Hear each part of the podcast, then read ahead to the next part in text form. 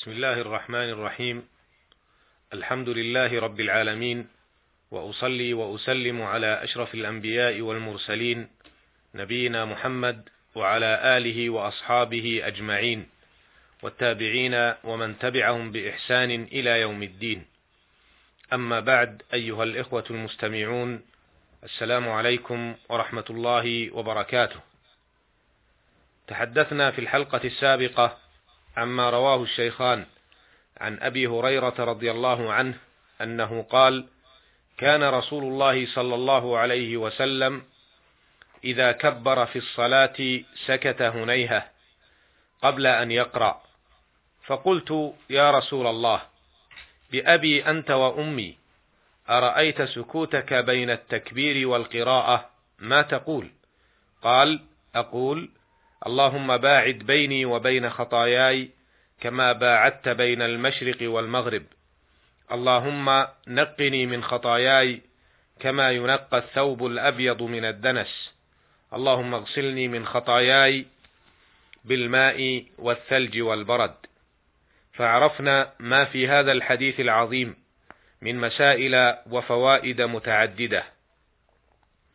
وفي هذه الحلقة نتحدث عما رواه الشيخان عن عائشة رضي الله عنها أنها قالت كان رسول الله صلى الله عليه وسلم يستفتح الصلاة بالتكبير والقراءة بالحمد لله رب العالمين وكان إذا ركع لم يشخص رأسه ولم يصوبه ولكن بين ذلك وكان إذا رفع من الركوع لم يسجد حتى يستوي قائما.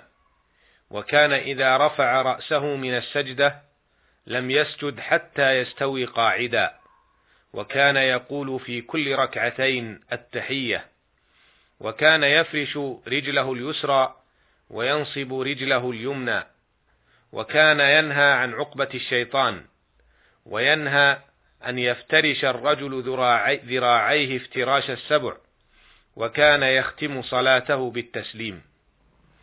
هذا حديث عظيم. مليء مليء بالحكم والأحكام. متعدد المسائل متنوع الفوائد. يهم كل مسلم ومسلمة. لأنه يتعلق في أهم العبادات العملية وهي الركن الثاني من أركان الإسلام.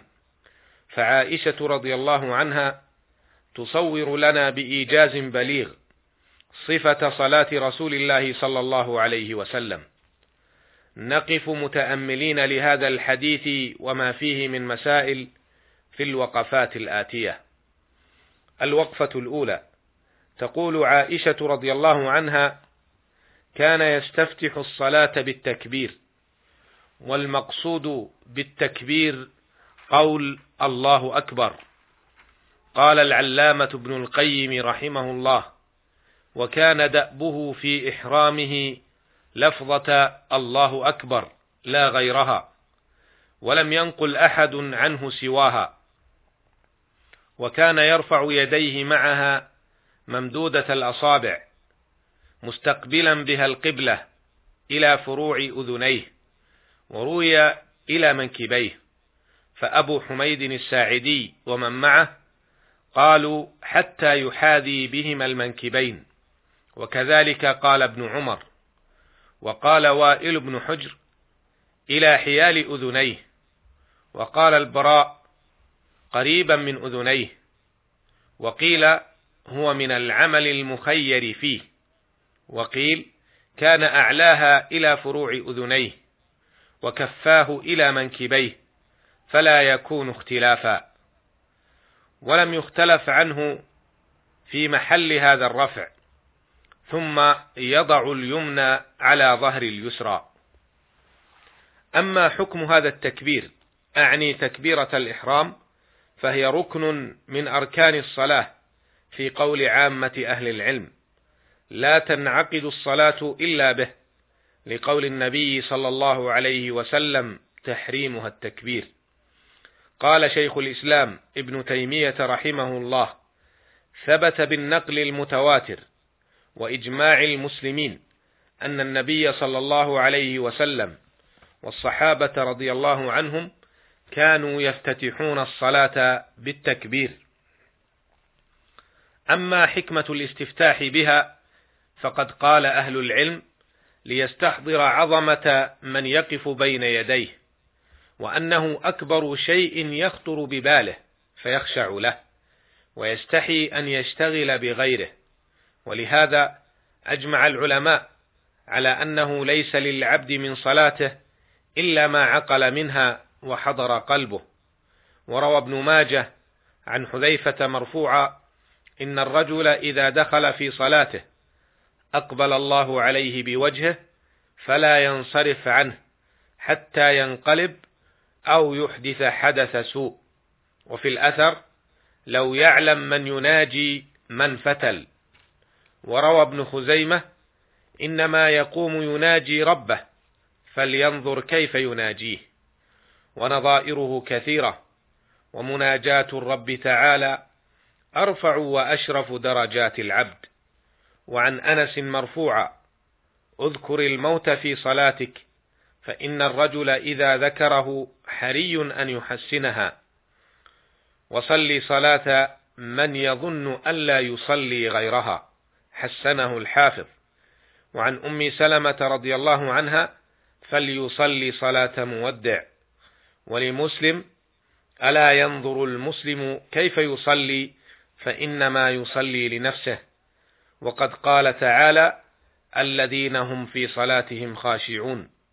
والخشوع إنما يحصل لمن استحضر عظمة ملك الملوك وأنه يناجيه ويخشى أن يردها عليه فيفرغ قلبه لها ويشتغل بها عما عداها ويؤثرها على ما سواها فتكون راحته وقرة عينه. قال صلى الله عليه وسلم وجعلت قرة عيني في الصلاة. وقال لبلال رضي الله عنه أرحنا بالصلاة. وهل تنعقد الصلاة بغيرها؟ ذكر العلماء رحمهم الله تعالى أن الصلاة لا تنعقد إلا بها نطقا فلا بد أن ينطق الله أكبر إذا قدر عليها وعليه فلا تنعقد بغيرها من الألفاظ. قال ابن القيم رحمه الله تعالى يتعين الله أكبر ثم قال ولو انعقدت بغيره لفعلها رسول الله صلى الله عليه وسلم في عمره ولو مرة واحدة. الوقفة الثانية دل قول عائشة رضي الله عنها: كان رسول الله صلى الله عليه وسلم يستفتح الصلاة بالتكبير أنه لا يتلفظ بشيء قبل التكبير بالنية ولا بغيرها. يقول العلامة ابن القيم رحمه الله: كان صلى الله عليه وسلم إذا قام إلى الصلاة قال: الله أكبر، ولم يقل شيئا قبلها، ولا تلفظ بالنية البتة، ولا قال: أصلي لله صلاة كذا مستقبل القبلة أربع ركعات إماما أو مأموما، ولا قال أداء أو قضاء، ولا فرض الوقت، وهذه عشر بدع لم ينقل, لم ينقل عنه أحد قط بإسناد صحيح ولا ضعيف ولا مسند ولا مرسل لفظة واحدة منها البتة بل ولا عن أحد من أصحابه ولا استحسنه أحد من التابعين ولا الأئمة الأربعة وإنما غر بعض المتأخرين وإنما غر بعض المتأخرين قول الشافعي رضي الله عنه في الصلاة إنها ليست كالصيام ولا يدخل فيها أحد إلا بذكر فظن أن الذكر تلفظ المصلي بالنية وإنما أراد الشافعي رحمه الله بالذكر تكبيرة الإحرام ليس إلا. وكيف يستحب الشافعي أمرا لم يفعله النبي صلى الله عليه وسلم في صلاة واحدة ولا أحد من خلفائه وأصحابه فهذا هديهم وسيرتهم فإن أوجدنا أحد حرفا واحدا عنهم في ذلك قبلناه وقابلناه بالتسليم والقبول ولا هدي أكمل من هديهم ولا سنة إلا ما تلقوه عن صاحب الشرع صلى الله عليه وسلم. انتهى كلامه رحمه الله. أسأل الله جل وعلا أن يجعلنا من الخاشعين في صلاتنا المتبعين بها لهدي نبينا محمد صلى الله عليه وسلم. إنه سميع مجيب وهو المستعان. وإلى اللقاء في الحلقة القادمة إن شاء الله. والسلام عليكم ورحمة الله وبركاته.